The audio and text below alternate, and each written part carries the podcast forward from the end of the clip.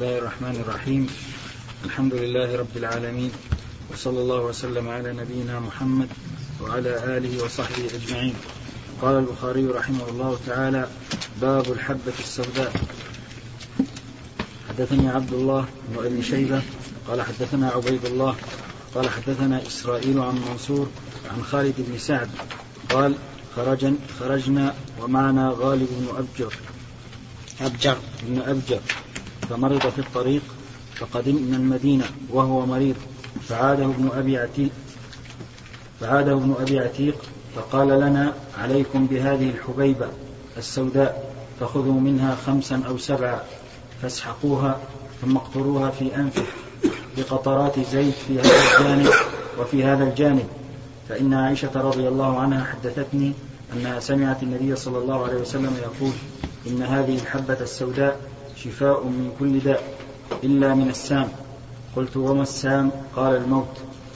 حدثنا يحيى بن بكير قال حدثنا الليث عن عقيل عن ابن شهاب قال أخبرني أبو سلمة وسعيد بن المسيب أن أبا هريرة رضي الله عنه أخبرهما أنه سمع رسول الله صلى الله عليه وسلم يقول في الحبة السوداء شفاء من كل داء إلا السام. قال ابن شهاب والسام الموت والحبة السوداء الشونيز.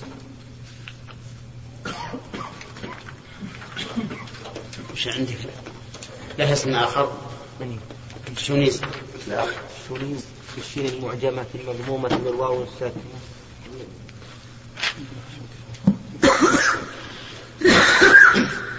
قال هي الشونيز بالشين المعجمة المضمومة والواو الساكنة وبعد النون المكسورة تحتية ساكنة.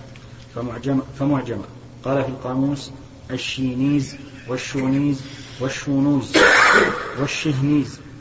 الحبة السوداء أو فارسي الأصل انتهى.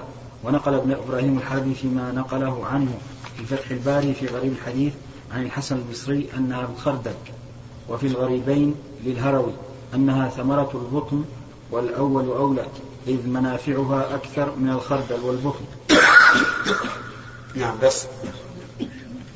هذه الحبة السوداء عندنا معروفة هنا في نجد يسمونها السميرة السميرة وهي حبة معروفة وكما أخبر النبي صلى الله عليه وسلم بأن فيها شفاء يستشفي بها كثير من الناس حتى من الدودة الزائدة فإنها مجربة فإن أحدا من من الناس ذهبوا به إلى المستشفى وقالوا إن فيه حب إن فيه الزائدة ولا بد من إجراء العملية. وطلبوا أن من والده أن يوقع على الموافقة وعدم المسؤولية فأبى. وقال لا أفعل إلا السميع وسقاه إياها وشفي بإذن الله. شفي من ليلته. وكان النبي عليه الصلاة والسلام عام يقول شفاء من كل داء إلا من, إلا من, إلا من السام. يعني الموت. فإذا جاء الموت فإنه لا ينفع أي دواء. كل دواء إذا جاء الموت فإنه لا يفيد. لقوله تعالى ولن يؤخر الله نفسا إذا جاء أجلها. والله خبير بما تعملون. لكن إذا كان الله قد مد في أجل الإنسان جعل له سبب جعل له سببا كالدواء مثلا. نعم. هل هناك طرق أخرى إيش؟ طرق أخرى لاستعمالها؟ اي ظهر إنه عندهم طرق يعرفها الأطباء. العرب. الأطباء العرب يسمونهم الأطباء العرب يعرفونها ولها يعني عدة طرق وحسب المرض. نعم. شيخ بالنسبة لهذا الحديث عام أن الحبة السوداء علاج لكل مرض. نعم. طيب على كذا ما نحتاج النذر لا دكاترة ولا شيء. إيه؟ أي مريض نعطيه حبة سوداء. أبدا. افعل كذلك. افعل كذلك مؤمنا بهذا الحديث وتنتفع به إن شاء الله نعم يقول هنا المحقق إن الحبيبة السوداء تصغير الحبة وهي الكمون وهو أخضر والعرب تطلق على الأخضر أسود. إيه كمون أسود. لا هي هي هي قريبة من الكمون هي حتى الآن الموجود قريب من الكمون حتى إذا علقته يعني مضغته تحس فيه طعم الكمون. لكن يفرق بين الكمون وبين الحبة السوداء. نعم باب التلبينة للمريض. حدثنا حبان بن موسى قال أخبرنا عبد الله قال حدثنا يونس بن يزيد عن عقيل عن ابن شهاب عن عروة عن عائشة رضي الله عنها أنها كانت تأمر بالتلبين للمريض وللمحزون على الهالك وكانت تقول إني سمعت رسول الله صلى الله عليه وسلم يقول إن التلبينة تجم فؤاد المريض وتذهب بعض الحزن. حدثنا فروة بن أبي المغراء قال حدثنا علي بن مسهر عن هشام عن أبيه عن عائشة أنها كانت تأمر بالتلبين وتقول هو البغيض النافع. بين التلبينة للأخوان سبق أن التلبينة لكن نريد زيادة إيضاح عندك في الشرح. ها؟ نعم. قوله باب التلبينة للمريض. هي بفتح المثنات وسكون اللام وكسر الموحدة. بعدها تحتانية ثم نون ثم هاء وقد يقال بلا هاء. قال الأصمعي هي حساء يعمل من دقيق أو نخالة ويجعل فيه عسل قال غيره أو لبن. سميت تلبينة تشبيها لها باللبن في بياضها ورقتها. وقال ابن قتيبة وعلى قول من قال يخلط فيها لبن سميت بذلك لمخالطة اللبن لها. وقال أبو نعيم في الطب هي دقيق بحت. وقال قوم فيه شحم. وقال الداودي يؤخذ العجين غير خمير فيخرج ماؤه فيجعل حس فيكون لا يخلطه شيء فلذلك كثر نفعه. وقال الموفق البغدادي التلبينة الحساء ويكون في ق... ويكون في قوام اللبن وهو الدقيق النضيج لا الغليظ النيء. نعم. قول عبد الله. هذه تشبه الشوربة لكنها يكون فيها عسل ولبن وتكون من الدقيق الناعم. والظاهر أنها بغيضة لأنه قد يكون فيها شيء من ال- الودك القديم. فيحصل بذلك لها طعم أو رائحة كريهة. نعم. إرشاد الرسول صلى الله عليه وسلم عن ال- نعم. الاستشفاء بالعسل والحجامة والكي نعم. ألا يخصص الحديث اللي هو حديث الحبة السوداء شفاء من كل داء وإلا لما كان مطلق نعم. إن كان الحبة السوداء هي شفاء لكل الأمراض. نعم. ما أرشد إلى غيرها كالحجامة وال إي نعم. ما جائز أن يكون هذا وهذا. لأنها قد يكون واحد. مثلا ما عنده عسل ولا عنده شرطة محجم ويكون عنده الحبة السوداء أو بالعكس. يعني كلها صالح لهذا. وسبق لنا أيضا أن قوله الشفاء في ثلاث يعني بالنسبة لما يداوون به. ليس هذا على سبيل العموم. نعم. الشرعية والتبعية الأدوية. أيوة نعم. وقد يدخل يعني أتداوى باب الجائز أو المكروه أو الحرام. ومثلا تجد في بعض لا هذا الكي؟ الكي هو الذي قسمناه إلى هذا التقسيم. الكي. نعم. الكي بس. نعم. أيوة. وقد نجد في بعض في بعض البلدان مع اختلاف ألسنتهم يعني ب- بأدوية. يعني أن تزاحم بالمذهب منفعة هذه هذا الدواء. ومع العلم فتجد الواحد مثلا يستعمل هذا الدواء وهو لا يعرف لا يحفظ من القرآن ولا آية مثلا. فهل من هذه الناحية ممكن يجوز يعني يدخل في باب الجواز إذا وجدنا فيه منفعة إيه نعم. وشه- وشهدنا نعم نعم. إحنا ذكرنا امس ذكرنا أمس أن كون هذا الشيء يكون دواء يعلم اما بنص الشرع عليه مثل مثل إيش؟ مثل العسل يا أخي العسل ذكرنا لكم أمس. وإما بالتجارب. وهذا كثير جدا. حتى الأدوية ال- الآن ال- التي آه، المعقمة واللي فيها العقاقير وهذا كلها بالتجارب.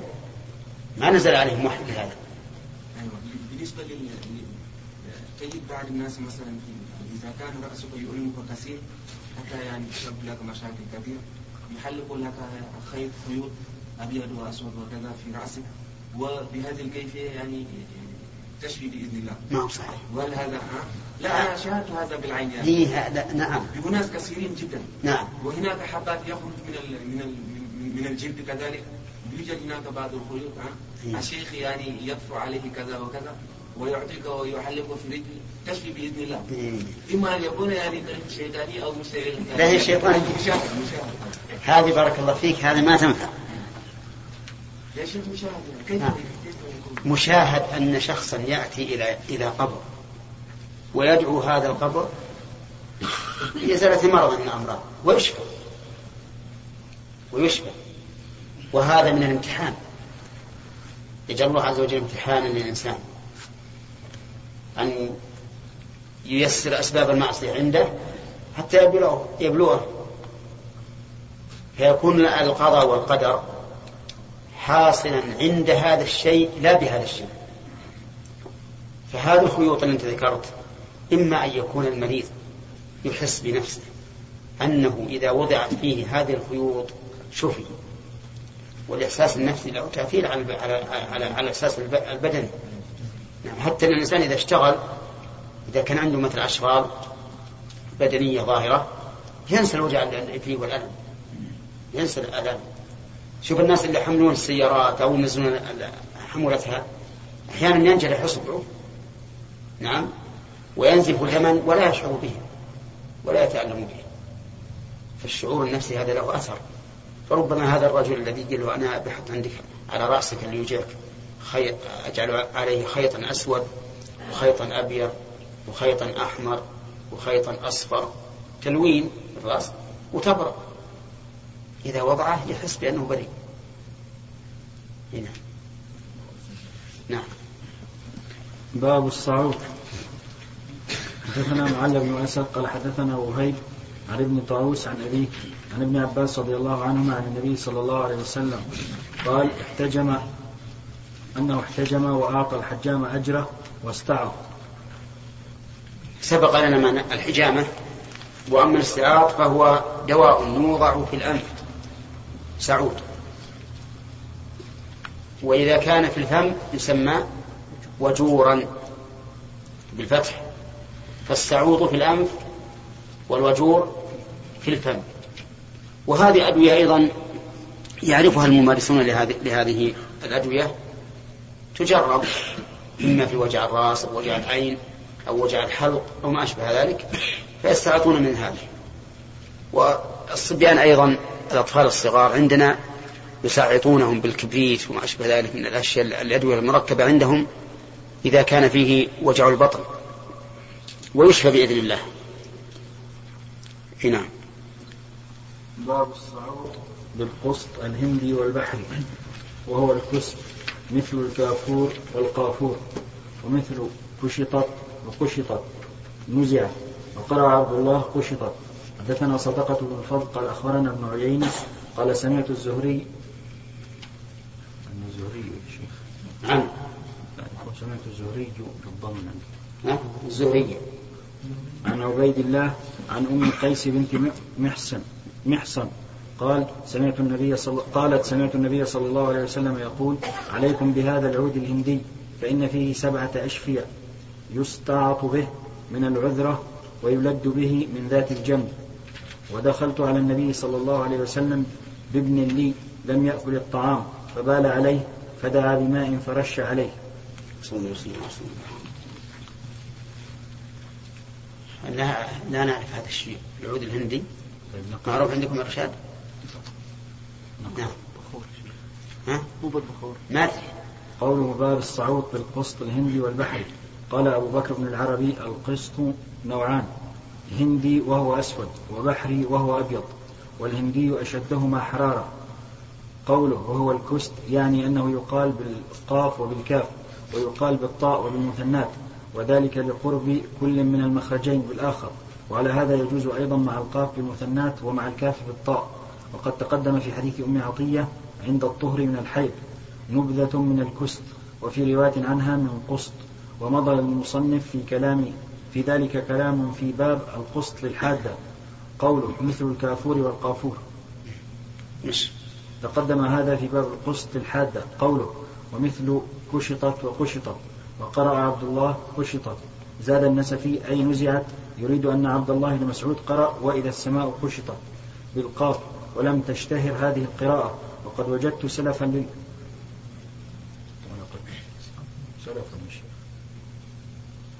سلفا الإنسان وجد. ما في في تاء وقد وجدت سلف يمكن سلفا سلفا. اسمع. لا في إضافة يعني ها؟ وقد وجدت طيب. وقد وجدت سلف البخاري. اسمع اقرأ اقرأ. وقد وجدت سلف البخاري في هذا. سلفا للبخاري. أحسن سلفا أحسن سلفا للبخاري. وقد وجدت سلفا للبخاري في هذا فقرأت في كتاب معاني معاني القرآن للفراء لقوله تعالى وإذا السماء كشطت قال يعني نزعت وفي قراءة عبد الله كشطت بالقاف والمعنى واحد. والعرب تقول الكافور والقافور والقشط والكشط وإذا تقارب الحرفان في المخرج تعاقب في المخرج هكذا. رأيته في نسخة جيدة منه الكشط بالكاف والطاء. والله أعلم. قوله عن عبيد الله. بعد ما مش قوله, الحديث. قوله عليكم بهذا العود الهندي كذا وقع هنا مختصر ها؟ معناه نعم ماشي. قوله عليكم بهذا العود الهندي كذا وقع هنا مختصرا ويأتي بعد أبواب في أوله قصة. أتيت النبي صلى الله عليه وسلم بابن لي وقد أعلقت عليه من العذرة فقال عليكن بهذا العود الهندي. وأخرج أحمد وأصحاب السنن من حديث جابر مرفوعا أيما امرأة أصاب ولدها عذرة أو وجع في رأسه فلتأخذ قسطا هنديا فتحكه بماء ثم تصعطه إياه. وفي حديث أنس الآتي بعد بابين. إن أمثل ما تداويتم به الحجامة والقسط البحري وهو محمول على أنه وصف لكل ما يلائمه فحيث وصف الهندية كان الاحتياج في المعالجة إلى دواء شديد الحرارة وحيث وصف البحري كان دون ذلك في الحرارة, لأن الهندية كما تقدم أشد حرارة من البحري. وقال ابن سينا القسط حار في الثالثة يابس في الثانية. قوله فإن فيه سبعة أشفية جمع شفاء كدواء وأدوية. قوله يسعط به من العذرة ويلد به من ذات الجنب كذا وقع الاختص... كذا وقع الاختصار في الحديث من السبعة على اثنين. فإما أن يكون ذكر السبع فاختصره الراوي أو اقتصر على الاثنين لوجودهما حينئذ دون غيرهما. وسيأتي ما يقوي الاحتمال الثاني. وقد ذكر أطباء من منافع القسط أنه يدر الطمث والبول ويقتل ديدان الأمعاء ويدفع السم وحمى الربع والورد ويسخ ويسخن المعدة الربع. الربع. يعني تأتي يوم رابع. وحمى الربع وال والورد. الربع والورد ولا وال إيش؟ وحمى الربع والورد والورد.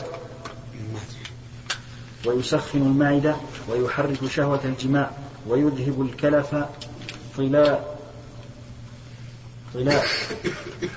فذكروا أكثر من سبعة وأجاب بعض الشراح بأن السبعة علمت بالوحي وما زاد عليها بالتجربة فاقتصر على ما هو بالوحي لتحققه وقيل ذكر ذكر ما يحتاج إليه دون غيره لأنه لم يبعث بتف... لم يبعث بتفاصيل ذلك. قلت ويحتمل أن تكون السبعة أصول صفة التداوي بها لأنها إما طلاء أو شرب أو تكميل أو تنطيل. أو تبخير. أو إيش؟ تكميل تنطيل ها؟ تنطيل بالنون. تنطيط تنطيل تنطيل هذا الشيء. نعم. ها؟ يذكر التنطيل نعم.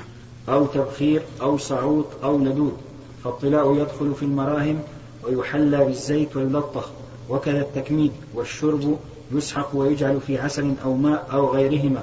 وكذا التنطيل والصعود يسحق في زيت ويقطر في الأنف وكذا الدهن والتبخير واضح وتحت كل. وتحت كل واحدة من السبعة منافع. منافع لأدواء مختلفة ولا يستغرب ذلك ممن أوتي جوامع الكلم اللهم صل وسلم وأما وأما العذرة فهي بضم المهملة وسكون المعجمة وجع في الحلق يعتري الصبيان غالبا وقيل هي قرحة تخرج بين الأذن والحلق أو في الخرم الذي بين الأنف والحلق قيل سميت بذلك لأنها تخرج غالبا عند طلوع العذرة وهي خمسة وهي خمسة كواكب تحت الشعر العبور ويقال لها أيضا العذارى وطلوعها يقع وسط الحر وقد استشكل معالجتها بالقسط مع كونه حارا والعذرة إنما تعرض في زمن الحر بالصبيان وأمزجتهم حارة ولا سيما وقطر الحجاز حار. وأجيب بأن مادة العذرة قطب قطر الحجاز. نعم. وقطر الحجاز حار. وأجيب بأن مادة العذرة دم يغلب عليه البلغم وفي القسط تخفيف للرطوبة. وقد يكون نفعه في هذا الدواء, في هذا الدواء بالخاصية. وأيضا فالأدوية الحارة قد تنفع في الأمراض الحارة بالعرض كثيرا بل وبالذات أيضا. وقد ذكر ابن سينا في معالجة سعوط اللهات القسط مع مع الشب اليماني وغيره. الشب. الشب. مع الشب اليماني وغيره. على أننا لو لم نجد شيئا من التوجيهات لكان أمر المعجزة خارجا عن القواعد الطبية وسيأتي بيان ذات الجنب في باب اللدود. وفيه شرح بقية حديث ابن قيس هذا. نعم طيب. العذرة هذه يسمونها عندنا بال... عند العامة يسمونها العظيم العظيم. شيئة الحلق للصبيان يستعملون عندنا دواء من جنس التدليك. يؤتى بالمرأة وتمسك برأسها هكذا وتنزعه مع الرأس شيء سبع مرات. ثم بعد ذلك تجعل إبهامها هكذا سبع مرات أيضا. ستة أو سبعة أيام في الصباح والمساء ويبرأ وبعضهم يكسر يكسر هذه العذرة التي هي الوجع لكن هذا يؤلم الصبيان ويضرهم هنا وفي هذا الدواء الذي ذكره الرسول عليه الصلاة والسلام أسهل من هذا كله. نعم. نعم. قول المصنف حينما ذكر أن سينا يقول حافظ في الثالثة يابس في الثانية. نعم. وش في الثانية؟ أقول وش في الثانية والثالثة؟ الثانية هذه درجات عندهم درجات عندهم معروفة. يعني مثل أول ما هو يكون حار ثم بعدين يعود فيكون باردا. يكون رطب ثم يعود فيكون جافا. كل هذا بعد الأكل؟ بعد الأكل أو غيره. حتى مثل أول في شيء أول ما تضعه يكون حار ثم بعد ذلك يرجع يكون بارد. من الأدوية. يعني مو بالمراد إذا إذا أكل الإنسان؟ هذا فيما يؤكل. فيما يؤكل مثل البطيخ وغيره. نعم. والزنجبيل والقرنفل وما أشبه ذلك. لكن في أشياء حتى التي تدهن أول ما يصيب ذلك ثم يرجع الحرارة أو بالعكس. الرابعة يا شيخ. نعم. أقول الحمى الرابعة اللي هي تأتي على الربع. الربع. سميها الفقهاء حمى الربع. تأتي كل يوم رابع. يمكن تكون هذه نوع من الملاريا. اي إيه هذا صح. وهذه لها علاج يستخلص من نبات يا أخي. يمكن يحتمل يكون منه هذا. إيه. يجوز. من الغالب إن هم يستخلصون ال- الأدوية من نباتات معظمها. اي نعم نعم ويعطوها صحيح اسماء أخرى. نعم. ولا ندري إيش اسمها اي صحيح. ولهذا يعني يعني نتعلم هذا العلم ولا نعرف إيش أصل المادة غير بس بالأسماء كيميائيه بس. هي أسماء كيميائية عندهم عند المتأخرين. اي لكن عند المتقدمين أو في الأحاديث مثلا. أعشاب. اي المشكلة هذا مشكله ما نعرف. نعم يا حيدر. موجود هذا القسط الهندي موجود. موجود. ما هو؟ هو عود أكبر من ال- من الزنجبيل لكن عود مضروب. عود كيف؟ عود عود شكل عود. اتبع, اتبع طريق حجاج. إيه؟ أقول اتبع طريق حجاج. ما يعرف طريق حجاج ما تعرف طريق حجاج؟ طريق حجاج أن يأتي بالشيء هنا إلى هنا جيبوه جيبوه إن شاء الله بكرة نشوف إيه. نعم باب أي. أي ساعة يحتجم واحتجم أبو موسى ليلى حدثنا أبو معمر قال حدثنا عبد الوارث قال حدثنا أيوب عن عن إبن عباس قال احتجم النبي صلى الله عليه وسلم وهو صائم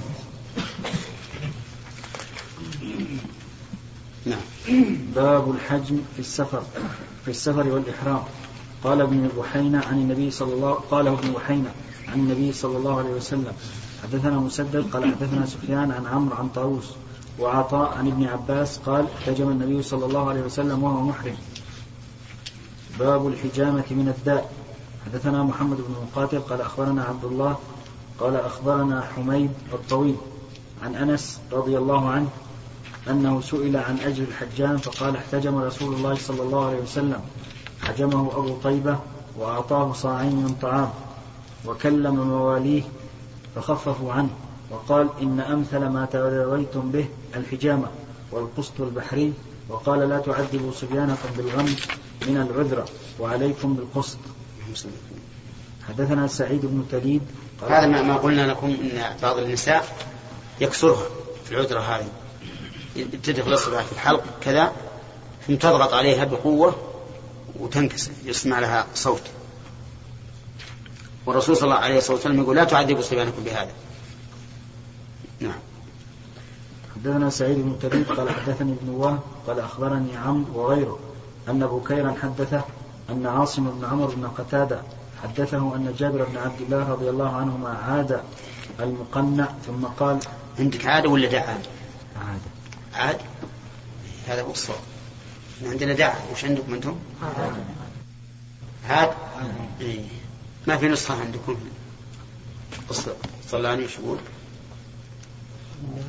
لا بس الكلمة هذه. عاد ولا دعاء إن بكيرا حدث أن عاصم عاد المقنع. عاد.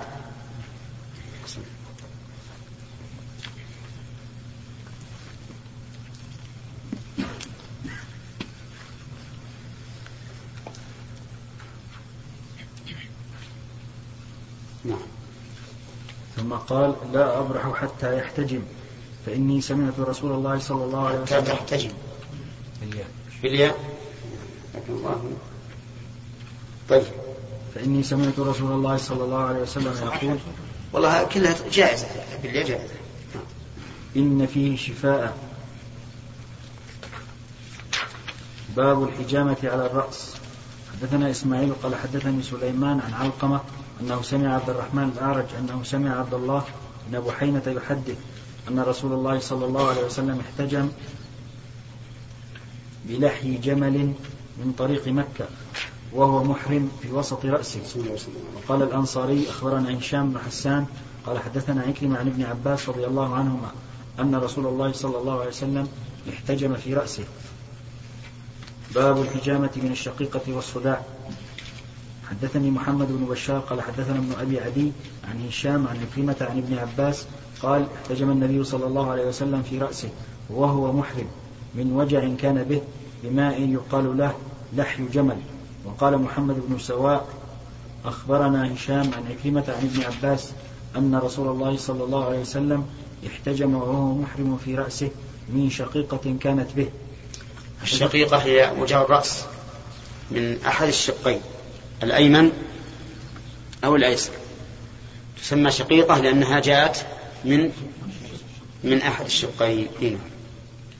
حدثنا إسماعيل بن أبان قال حدثنا ابن الغسيل قال حدثني عاصم بن عمر عن جابر بن عبد الله قال سمعت النبي صلى الله عليه وسلم يقول إن كان في شيء من أدويتكم خير ففي شربة عسل أو شرطة محجم أو لذعة من نار وما أحب أن أكتوي طيب هذه هذه الأحاديث تدل على جواز الحجامة للمحرم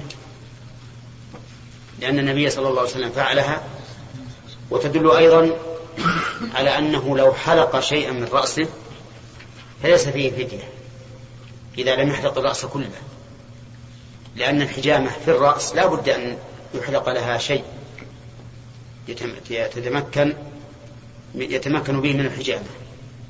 ولم يذكر هنا أن النبي صلى الله عليه وسلم فدى. وذلك لأنه لم يستوعب الرأس بالحلق بخلاف ما لو استوعبه. وما ذهب إليه بعض أهل العلم من أنه إذا أزال ربع الرأس فدى أو إذا أزال ثلاث شعرات فأكثر فدى فقول لا دليل عليه. والآية إنما قال إنما قال عز وجل ولا تحلقوا رؤوسكم ثم قال فمن كان منكم مريضا أو به أذى من رأسه ففدية. لمن حلق؟ جميع الرأس. لمن حلق جميع الرأس. أما إذا حلق بعضه فهو حرام لا شك. ولكن هل فيه الفدية؟ نقول لا لا فدية فيه. ولكن إن كان لعذر ارتفع التحريم وصار حلالا ولا فدية فيه.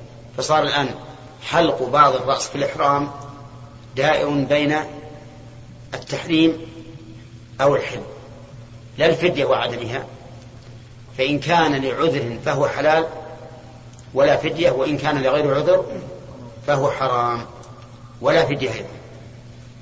أما إذا كان جميع الرأس فهو دائر بين الحل والتحريم والفدية وعدمها فإذا كان لعذر فهو حلال ولكن فيه الفدية. وإن كان لا غير عذر فهو حرام وفيه وفيه الفدية. هنا.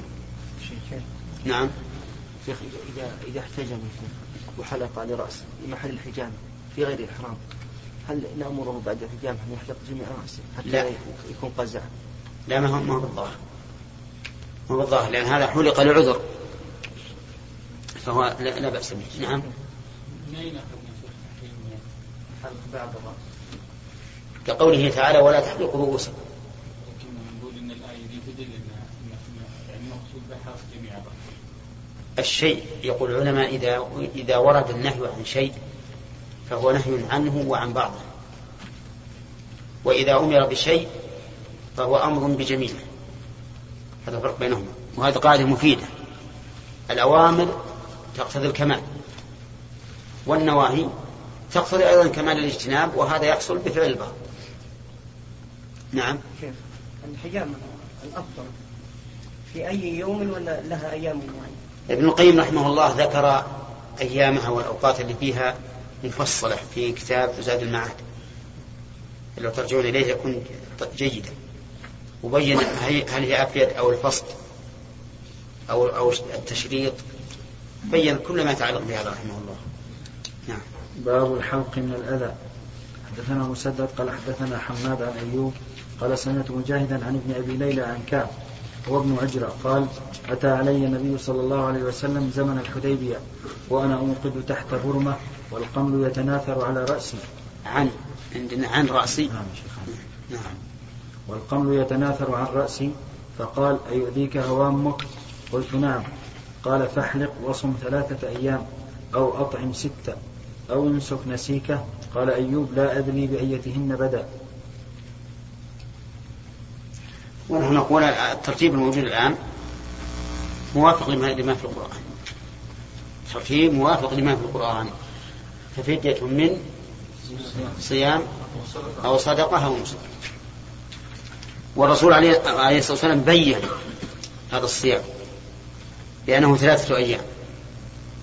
الصدقة بين بأنها إطعام ستة مساكين وفي رواية أخرى لكل مسكين نصف صاع. وأما النسيكة فهي الذبيحة التي تجزي في الأضحية لقول الرسول عليه الصلاة والسلام لا تذبحوا إلا مسنة إلا أن تعصر عليكم فتذبحوا جذعة من الضأن. وفي هذا الحديث بيان للقدر المدفوع والمدفوع إليه.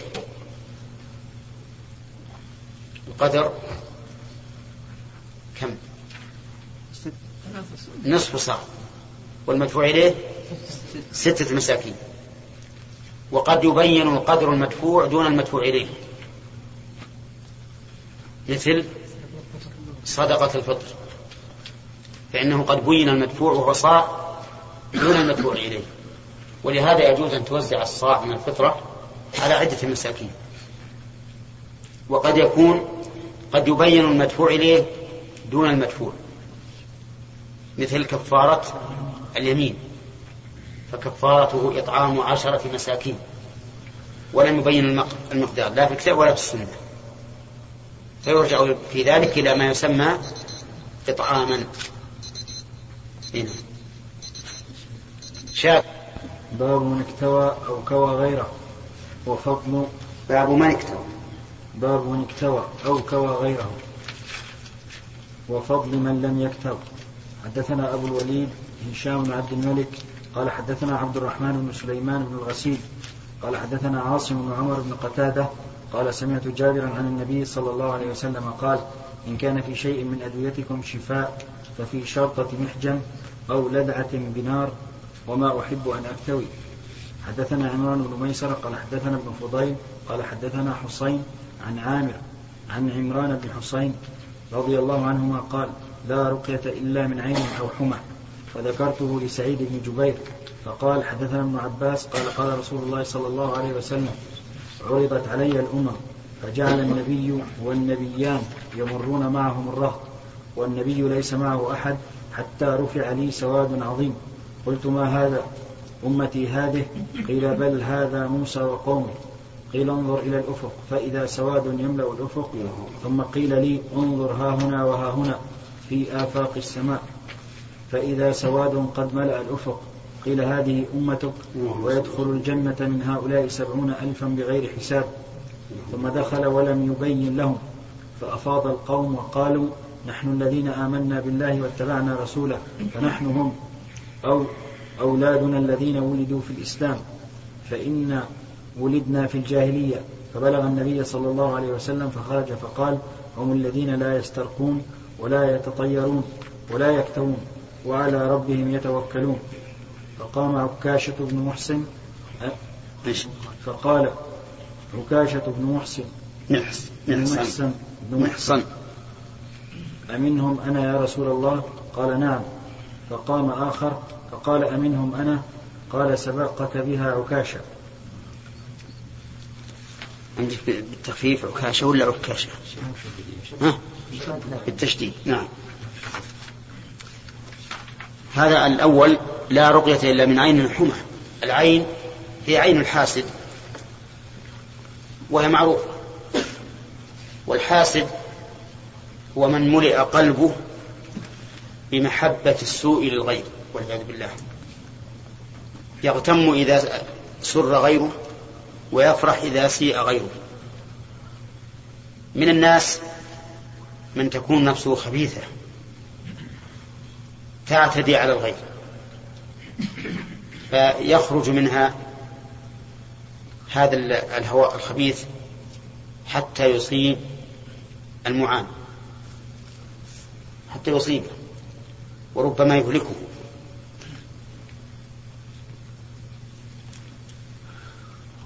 الطريق إلى هذا إلى إزالة هذا هذه المصيبة إما إما بالقراءة وهي الرقية وإما بأن يؤتى بالعائن فيتوضأ ويؤخذ ما يتناثر من من وضوئه ويصب على رأس المصاب وعلى ظهره أو يشرب منه أيضا فيشفى بإذن الله.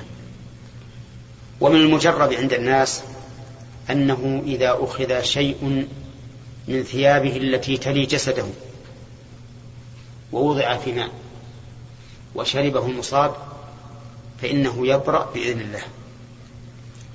والبراءة من هذه من هذه الإصابة تأتي بلحظة كبعير نشط من عقاله. هذا هذا العين. أما الحمى فهي ذوات السم.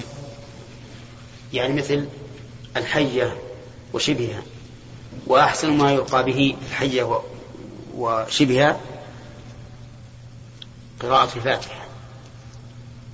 كما حصل ذلك للسرية الذين نزلوا على قوم فاستضافوهم فأبوا أن يضيفوهم فسلط الله على سيدهم حية لدغته.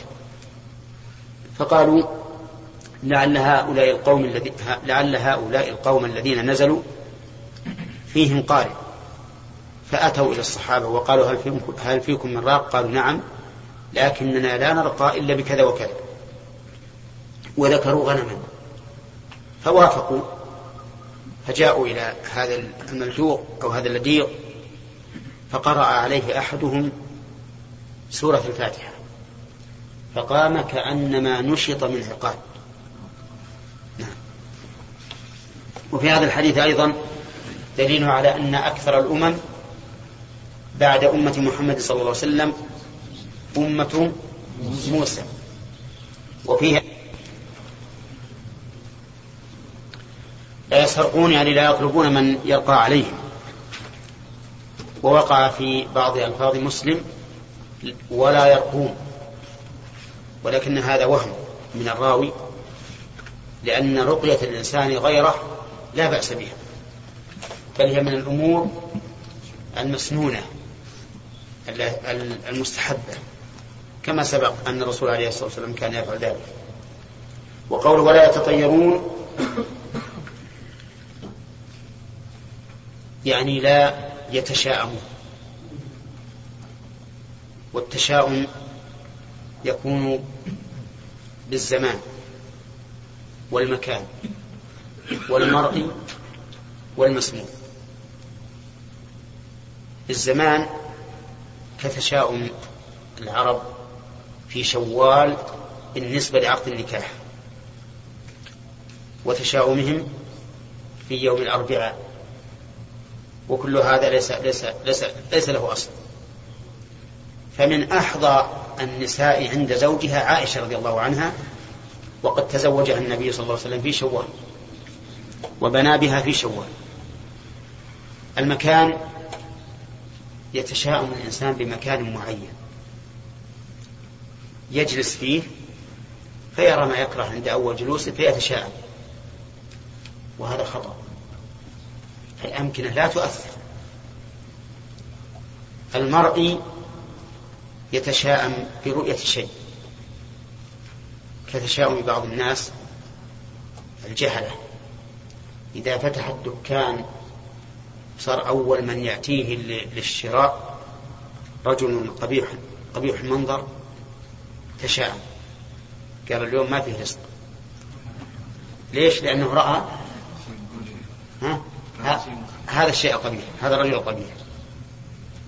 كذلك بالمسموع. يسمع كلمة من شخص فيتطير منها. ولنفرض أنه أراد أن يسافر. فسمع إنسان يتكلم مع شخص يقول أنت شريت هذه السلعة كم شريتها؟ قال شريتها بمئة قال له أنت خاسر فسمعها الذي يريد أن يسافر. ها؟ فتشاء. قال خلاص إذا سفري سيكون خسارة فيرجع. هذا هو التطير وإنما كان عدم التطير ممدوحا. ونهي عن التطير لأنه يفتح على الإنسان باب الأوهام والتخيلات الفاسدة البعيدة ويطرد عنه التوكل على الله. يكون متوكل على إيش؟ على الأوهام. كلما سمع شيئا تشاءم كلما رأى شيئا تشاءم كلما نزل مكان تشاءم كلما أتى عليه زمن تشاءم منه. وهذا لا شك أنه يقلق راحة الإنسان ويبعده عن عما خلق له من عبادة الله ومن انشراح الصدر وسرور النفس. فلهذا نهي عنه. أما التفاؤل فالتفاؤل كان الرسول صلى الله عليه وسلم يعجبه الفأل. لأن التفاؤل سرور يبعث على النشاط وعلى الأمل وهو عكس التشاؤم. الثالث قال ولا يكت... نعم. لا يسرقون. ولا يتطيرون. ولا يكتوون. يعني لا يطلبون من أحد أن يكويهم. لماذا؟ قال لأنهم على ربهم يتوكلون فيعتمدون على الله عز وجل. ولكن لو أن أحدا أراد أن يقرأ عليهم فلا مانع. ولا تنتفي عنه هذه الصفة. لأن هناك فرق بين الذي يسترقي والذي يمكن من يقرأ عليه أن يقرأ عليه. أليس كذلك؟ الأول مستجدي. مستجدي يطلب يتعلق بغير الله. والثاني غير مستجدي. ولهذا حرم سؤال المال وإذا أعطيت إياه من غير مسألة فأنت مأمور بأخذه. طيب. كذلك الاكتواء. لو أن أحدا كواك بدون طلب منك لا لم ينافي هذه الصفة. لأن هناك فرقا بين أن تكتوي وبين أن تمكن من يكويك. وقد كوى النبي صلى الله عليه وسلم سعد بن معاذ و وسعد رضي الله عنه مكنه من ذلك. ولا نقول إن سعدا خرج عن هذه الأوصاف التي بينها الرسول عليه الصلاة والسلام. وسبق لنا الكلام على الكي وأنه إما مكروه أو محرم أو جائز. وفي هذا الحديث فضيلة عكاشة بن محسن فضيلة عكاشة بن محسن رضي الله عنه.